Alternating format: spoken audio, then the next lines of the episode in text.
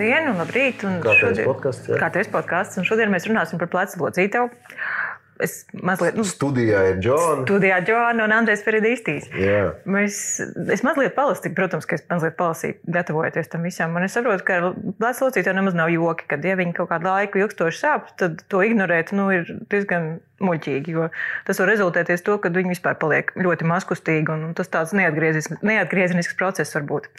Bet uh, pirms laika mēs tikāmies un jūs ļoti nopietni ar doktoru Vugulu runājāt par ķirurģiju. Tas tāds ļoti augsts plaukts bija, bet šodien mēs vairāk pie zemes un vairāk par to vispār, kā radās dažādas problēmas plecu locītavā, par tām biežākām saslimšanām, par to, ko var darīt, par profilaks, par, par tādām lietām.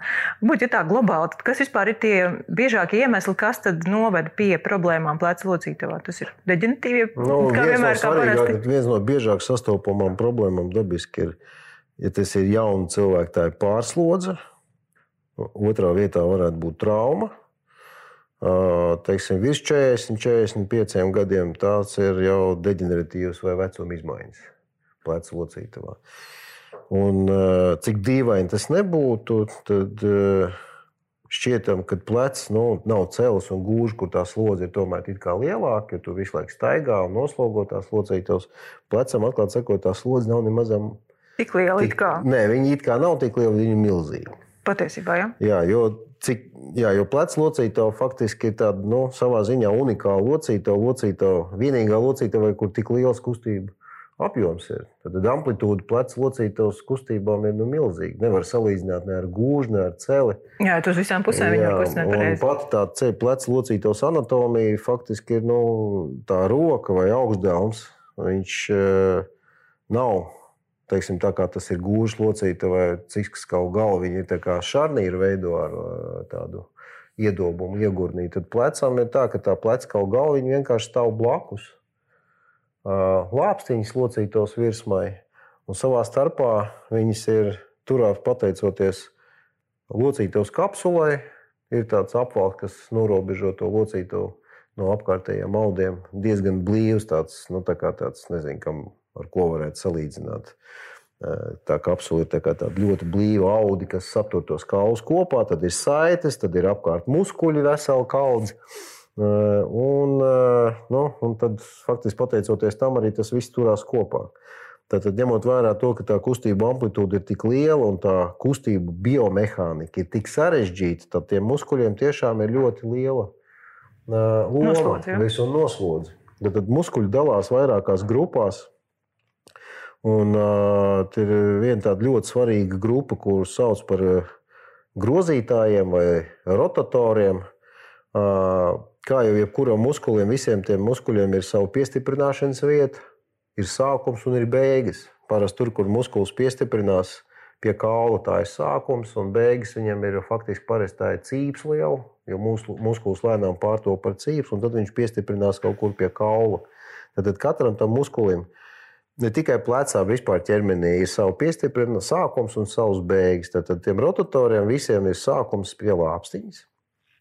Un tie muskuļi ir relatīvi īsi. Salīdzinot teiksim, ar to pašu biceps muskuli, kas ir visiem labi zināms, vai triceps, vai to pašu lielo krūšu muskuli. Tie muskuļi visi ir diezgan īsi. Viņi visi piestiprinās pie pleca kaut galviņas. Nevis pat galviņas, bet pie tā saucamā augšdevuma kaula lielā augura. Nu, ja cilvēki zinātu anatomiju, dabiski viņi to varētu iztēloties. Jā, jā. Bet, nu, droši vien var paņemt sev kādu zīmējumu un paskatīties. Priekšā nolikt. Un tad tie visi muskuļi, viņi ir četri faktiski, viņi nodrošina plecu locītos uh, uh, pareizo biomehāniku. Respektīvi, uh, jebkurai locītavai, kas kustās, ir kaut kāds rotācijas centrs. Un tad plecu locītavai tie rotatori nodrošina to, ka tas rotācijas centrs, neatkarīgi no tā, kādu kustību mēs veiktu, viņš nemaina savu stāvokli attiecībā pret lāpstiņu. Tā galviņa vienmēr ir centrēta. Tikko parādās kaut kāds muskuļu disbalans vai kaut kāds muskuļu bojājums saistībā ar iekaisumu, ar plīsumu un tā tālāk, tas rotācijas centrs sāk mainīties. Un cilvēkam parādās dažādi veidi sūdzības. Nu, tad tur tās sūdzības ir daudz dažādas atkarībā no patoloģijas, kas tur ir.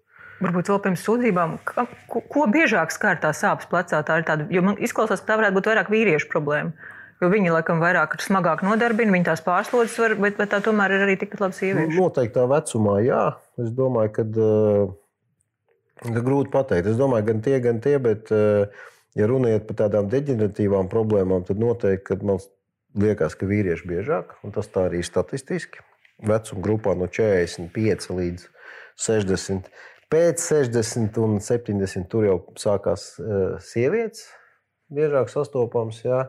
Un tās ir arī, tā kā es teicu, tas ir vecuma izmaiņas pārsvarā. Tad tās cīpslas, par kurām es tikko runāju, par tiem pašiem rotatoriem, viņas vienkārši naturāli plīst. Un, ar ko ir, teiksim, ja mēs runājam par patoloģijām, tad nu, viņas dabiski var būt dažādas. Viņas var būt saistītas ar traumu, kā jau minēju, plecu galviņu vai pleca augšdaļu kaulu galviņu. Var mežģīt plecu locītavā. Viņi var iziet no savas vietas, viņi var iziet uz priekšu, uz mugurpusi, uz, uz leju, vienalga. Tas viss ir saistīts ar kaut kādu daudu bojājumu, neiedziļinoties niansēs. Tas viss noved pie tā, ka vai nu tas atkārtojās regulāri pēc tam, un tad ir jārisina tas viss ķirurģiski, vai nu tas neatkārtojās, bet noved teiksim, pie kaut kādām citām problēmām. Tas arī var būt bez sekām. Tad ir pārslodzes, tā ir lielākā daļa. Trenižera zāles, nezinu, šķēpmetēji, volejbolisti, tenisisti, visi tie overhead sporti, tā saucamie, kas noved pie kaut kāda atsevišķa konkrēta struktūra bojājumiem vai chroniskām mikrotraumām vai pie pārslodzēm, tas var iekaist, tas var daļēji ieplīst. Tas arī vai nu tas ir konservatīvi ārstējums, respektīvi ar tabletēm, ar spricēm, ar fizioterapiju, fizikālām procedūrām, vai tas ir ārstējums arī ķirurģiski citreiz. Jo nu, katrai tai problēmai var, at, nu, nezinu, tur var stundām ilgi runāt. Stāstīt, daudz, daudz, daudz dažādu diagnozu. Dažādi varianti. Jā. Un tad ir tās biežāk sastopamās lietas, dabiski, tas, tas ir tā, tie, tās vecuma izmaiņas Un kāpēc tas notiek? Tas notiek tāpēc, ka mēs sākumā runājam par to, ka tā slodze nav nemaz tik maziņa. Un dabiski cilvēkam, kāpēc vecuma, no, vecuma, laik, vecuma posmā tas viss tā vairāk notiek dabiski. Vispār tie audi mainās, bet plecam ir eh, tā, ka nu, tie muskuļi, kā jebkuram ķermeņa daļai, viņi lēnām zaudē tonus. Ja tos muskuļus netrenē, tad nevingrot, mēs atgriežamies pie fizioterapijas regulārs, jā, tad dabiski tie muskuļi zaudē tonus. Un viena no tām muskuļu grupām, par kurām es runāju, tie ir tie rotatori, tad viņi ir tik īsi attiecībā pret rokas garumu, ka principā, ja kura pacelšana rokai uz priekšu, uz sāniem, vienalga, kur sanāk diezgan pamatīgi tos muskuļus noslogot. Tā kā tie muskuļi nav vienīgie, kas to roku cilā uz augšu, tur ir vesela grupa ar citiem muskuļiem, kas to dara. Tas ir deltveida muskulis, tas ir lielais uh, krūšu muskulis. Tie visi muskuļi ir jāuztur labā tonusā, jo viņi ir tie, kas palīdz tiem rotatoriem nepārslogoties. Un rotatori ir tie muskuļi, kas arī visbiežāk iet bojā. Tieši šo muskuļu cīpslis. Jā, nu, lielākā daļa. Rotatoru manžetes bojājums tā ir viena no biežāk sastopamām diagnozēm vecuma grupā no 40 līdz no 50, no 45, 50 līdz un tālāk. Jā. Tieši par to mēs parunāsim. Vispār tādu top 3, to, kas ir biežākās saslimšanas un kas, to, kas, tur, kas tur notiek. Bet, bet pirms tam es gribēju pajautāt, kā ārsts vai vispār kā pats cilvēks var nošķirt, nu, ka sāk plecu, tas ir saistīts ar plecu vai tur tomēr ir mugurkauls? Jā, tas ir tas labs jautājums. Tur tiešām ir tā, ka arī man principā jāskatās, vai tas nav saistīts ar plecu, jo lielākā daļa cilvēku ar sāpēm plecā nonāk neiroloģu vai neiropatologu redzeslokā. Un tad bieži vien sāk pētīt muguru un tā tālāk. Visvienkāršākais eh, tāds diagnostisks paņēmiens, kā saprast, vai tas ir plecs. Tad eh, plecs nu, 99% gadījumos, ja viņš sāp, tad viņš sāp apmēram augšdelma vid, līdz vidējai trešdaļai. Tās sāpes nekad neizstaros, nekad neizstaros zem elkoņa. Jā. Viņas vienmēr būs virs elkoņa. Viņas biežākā vieta, kur viņas ir, tas ir kaut kur vidus. Tur, kur deltoīda muskulis piestiprinās pie augšdelma kaula. Faktiski augšdelms uh, vidus tā ir tā biežākā lokalizācija, kur sāp. Ja plecam problēmas ir iekšpusē, kaut kur vienalga, kur, bet viņas bieži vien izstaro tikai līdz turienei. Ja tev sāk tirpt roka, tev tur sāp, nezinu, tur pirksts tirpst vai kaut kas tāds. Tas, tas ir liela varbūtība, ka tas tā nav. Dabiski tas viss var kombinēties. Arī tādas situācijas mēdz būt. Un bieži vien, ja plecs sāp, tad cilvēks arī pārslogo daudzas, teiksim, plecu joslas muskuļus, un tev liekas, ka arī no kakla sāk vilkt. Tāpēc ir ļoti svarīgi, ka cilvēks tiek pētīts. Tiek veikta tā saucamā fizikālā izmeklēšana. Ārsts pienāk klāt un skatās, kā roka kustās, kas ar galvu notiek, cik liels spēks tai rokai vai nav zudis un tā tālāk. Tas viss ļauj arī rezultātā diferencēt un saprast, ko mēs beigās pētām. Plecu vai kaklo, abus divus uzreiz. Nu tā. Kā ir ar to laiku, cik ilgi gaidīt? Nu, vērot sevi, cik, cik ātri tam meklēt ārstu. Nē, nu, ja tas ir tikai viena epizode, kaut kāda bijusi, noteikti, ka tur pie ārsta nav jāiet. Jā. Jā, bet, eh, ja tās ir sāpes, kas tev plecam ir ļoti raksturīgs, ja tās ir kaut kādas deģeneratīvas izmaiņas vai kaut kādas tādas chroniskas, arī ne chroniskas problēmas, vienkārši problēmas saistībā ar tiem pašiem rotatoriem vai, tā, vai to plecu locīto, un bieži vien saistīts arī ar naktas sāpēm. Kakls arī var sāpēt naktī, bet plecam tas ir ļoti raksturīgs. Ja naktas slāpes, tad nevar atrast, tev jāmeklē vieta, kā to roku novietot, lai tev nav sāpes. Tas var būt gan pie pārslodzēm, gan pie iekaisumiem, gan pie bojājumiem, diezgan līdzīgi. Arī tā simptomātika pie bojājumiem un iekaisumiem var būt nu, bojājums tādā ziņā, ka tā cīpsle teiksim, ir plīsus, vai var būt ļoti līdzīga. Tāpēc arī tālāk jau pēc tās fizikālās izmeklēšanas ir ļoti svarīgi uztaisīt ļoti labu skrīningu metodi. Un tā ir ultrasonogrāfija. Skaidrs, ka tā sonogrāfija arī bieži vien uh, nu, tur jābūt savai pieredzēji. Tad, tad tie cilvēki, kas taisās sonogrāfijas, tomēr tā, tā ticamības pakāpe ir tiem, kas to dara regulāri, daudz un tiešām redz, ko tur ir. Jo daudz sonogrāfijas, kas tiek skatīts, nu, tu saproti, ka tas, kas taisīja to sonogrāfiju, viņš līdz galam nesaprot, ko viņš tur skatās. Nu, ko viņš tur meklē, es nezinu, bet nu, tur, nu, nu, tā ir. Diemžēl. Bet nu, fakts paliek fakts. Sonogrāfija droši vien būtu tā metode, ar kuru ātri bez īpašām piepūlēm var paskatīties un saprast, ir vai nav plīsums. Ja pasaka, ka plīsuma nav, mēs tālāk domājam, skatāmies, salīdzinām ar to, kas ir klīniski pacientam, kādas ir sūdzības. Jo varbūt to sauc par ekstraartikulārām problēmām, ir problēmas, kas ir ārpus locītavas, un intraartikulārs tas, kas ir iekšā locītavā. Locītavā tur daudz dažādu, tā anatomija diezgan sarežģīta, un tur arī ļoti daudz dažādas patoloģijas var būt. Ļoti svarīgi, tāpēc ir anamnēze, ko savāc pacients pastāst, kā viņam tas viss ir sācies. Saprot, ar ko viņš nodarbojās, ja ir bijusi trauma, ir ļoti svarīgs tas traumas mehānisms. Visi jāņem vērā. Dzīvums, vecums, plecs, dominējošā roka, nav dominējošā roka, ko viņš ar to darīs. Un tas viss kopā saliekot, nu, tā kā izmeklētāji. Beigās tev, Apmēram, tev ir diagnoze. Ļoti plecam ir ļoti svarīgi dabūt pareizo diagnozi. Nu, tā. Nu, par tām tipiskākajām, varbūt top 3 diagnozēm, kas, kas vispār pleciem gadās. Uh, tu zini, no tā, tāds top 3 varbūt es tā precīzi nevarēšu pateikt. Noteikti rotatori ir pirmajā vietā.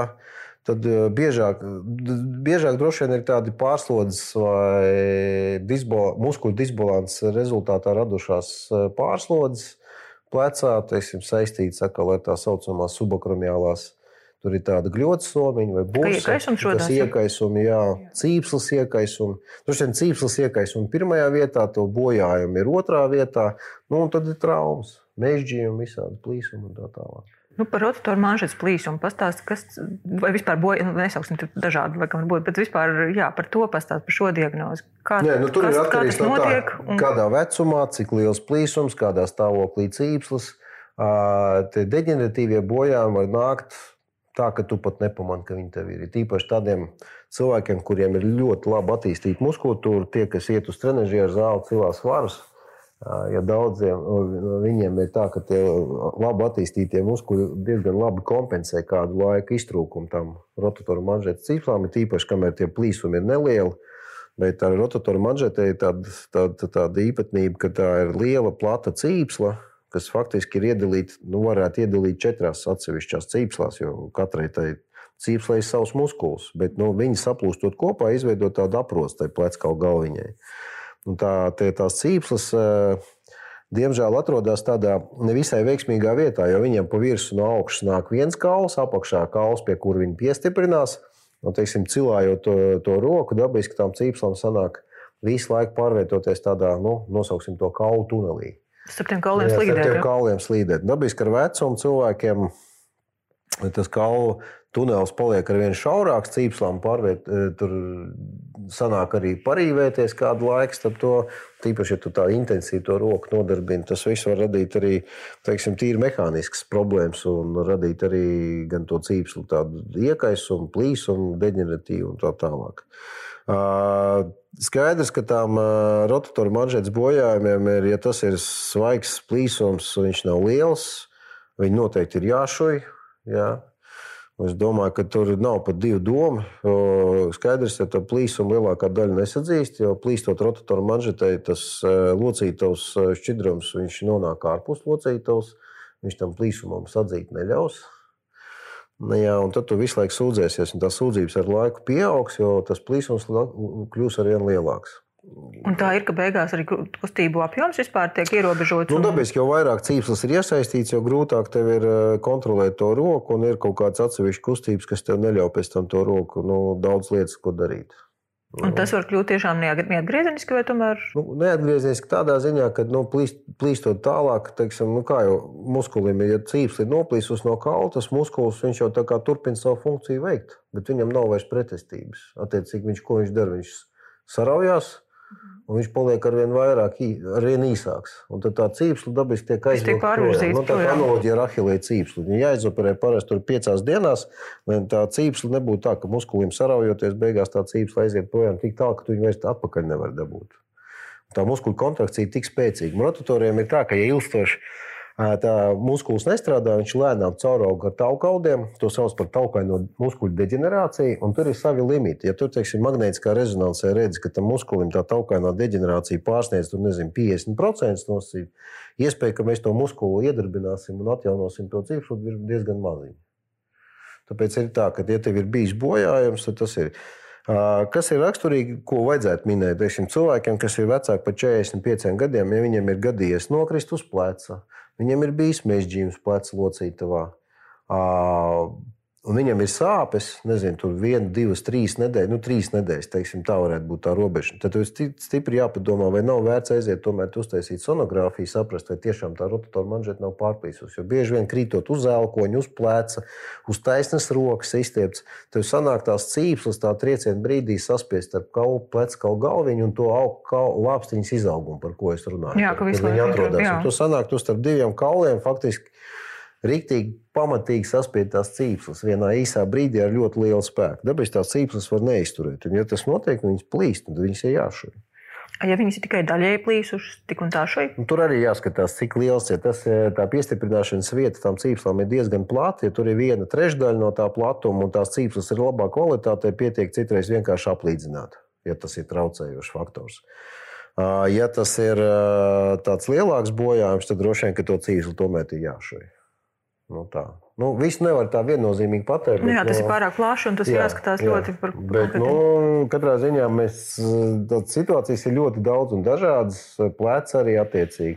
Cilvēki, kuriem ir plaši bojājumi, un neskatoties uz to, viņi ļoti labi to kompensē ar citiem muskuļiem. Tu vispār nevari pateikt, ka viņam, viņam roka kustās ideāli, viss ir maziņš plīsums citam.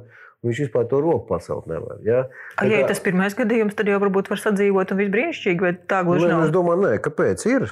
Jā, tu, tur, tur ir, ir arī tādi cilvēki, jā, teiksim, tu, nu, atnāk tev 70, tur, nezinu, 8, 80 gadīgs cilvēks, kuram jā, viņam ir sāpes, bet viņam tur ir pilns kustība apjoms, viņam ik pa brīdim pasāp, no, nu, tad padzer pretiekais un zāles. Jo vienīgais risinājums pie tādiem masīviem bojājumiem, tiem rotatoriem, ir endoprotezēšana, to, ko mēs runājam ar ugultūriem. Nu, tad par ko mēs ņemam traumas pirmās vai tas pārslodzes? Pārslodzes traumas, kas ir no tām pārslodzēm. Pārslodzēm. Nē, nu pārslodze ir tā. Kas tur raksturīgs? Nu kā, nu, jebkura pārslodze, mēs jau, man liekas, nevienu reizi runājam, ka pārslodze ir arī savā ziņā tāda mikroskopiska bojājuma audiem. Tad, ja tu dari vairāk nekā tie audi var turēt, tu cel smagumu, kas ir pat, pat daudz liels priekš tevām cīpslām. Viņas vienkārši nevis tā, ka noplīst uzreiz pilnīgi, bet viņas no sākuma tev lēnām pa šķiedriņai. Un tā viena šķiedra noplīst.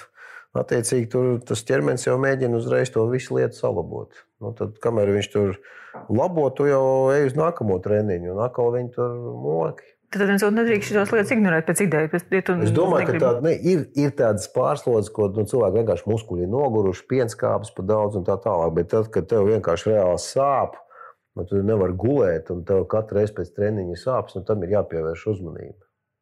Jo tā pārslodze rezultātā novedīs pie tā, ka tā cīpsla vienkārši deģenerēs un plīsīs. Būs tas pats mašas Jā, ja kura plīsums. maza plīsuma vietā nāk vienmēr rētā. Tur nekad nebūs tā šķiedra, ja viņa pārplīsus. Viņas vietā nekad nebūs tāda pati šķiedra. Tas nekad nav tik stiprs, ja kā, Nu, no sākuma tas ir kā noslīps stiprs. Tad tie rētādi, viņi tikpat stipri to vietu tur kopā. Nē, nu, dabiski ka viņi vairs nav tik stipri. Dabiski tā saita, tā, tā cīpsla vai tā saita, viņa, ne, nu, cīpsla pārsvarā cīpsla maina savu, teiksim, savas mehāniskās īpašības. Viennozīmīgi. Viņas nav tik elastīgi, viņi nevar tik labi stiept tā. Tā kā tas ir pārslodzes, un ja traumas, nu, tad ir mežģījumi vai lūzumi. Viņi var būt daudz un dažādi. Tas ir vesels grāmatas, ir sarakstīts par tām traumām. Bet nu, svarīgākais ir tas, ka, ja tev ir trauma un tev ir bijis kritiens pamatīgs, nu, tad divas lietas, kas ir jāizdara. Pirmais ir rentgens, un otrs ir ultrasonogrāfija, kā skrīninga metode.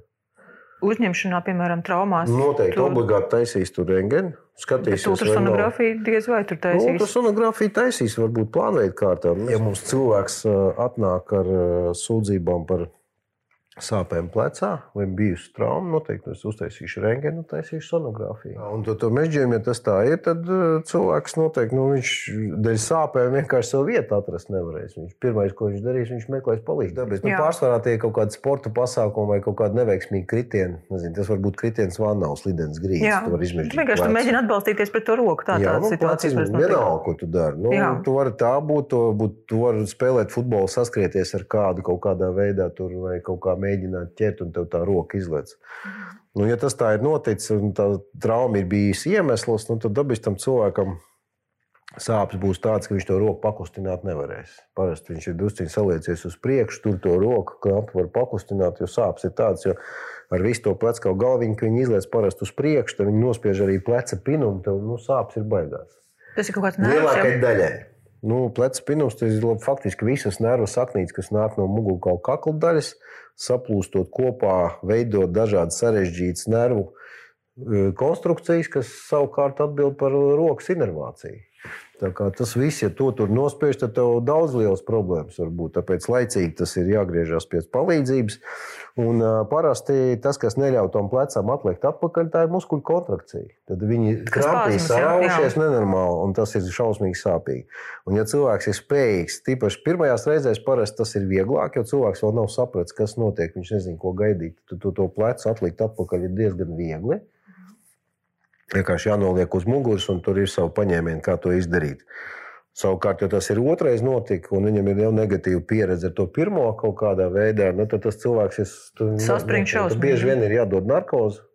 Lai cilvēkam nu, dabiski tas ir maigākais un labākais veids, kā dabūt plecu atpakaļ. Jo maigāk tu to izdari, jo mazāk tu traumē viņu vēlreiz. Tu, tu dari ļoti brutāli, tā kā filmās rāda, ka tu tur rauj kaut ko, tu papildus tam, kas jau ir sabojāts, vēl kaut ko sabojā. Nu, tā.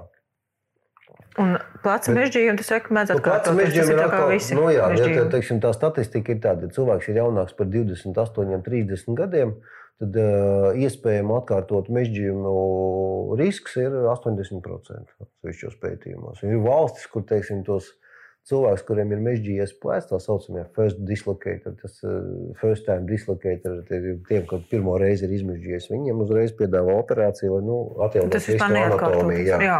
Pie mums viss ir druskuļi savādāk. Cilvēki ir konservatīvāki. Viņi saka, ok, es pagaidīšu nākamo reizi. Un tā nākamā reize jau faktiski viņam diagnozē parādās jau vārds ieradumu mežģījums. Jā, jau tas nozīmē, ka viņam tas mežģīsies arī ar lielu risku, jo katra reize palielina risku mežģīties nākamo reizi. tur, teiksim, fizioterapija. pa- Palielinās tie defekti, kas veidojas tā mežģījuma rezultātā.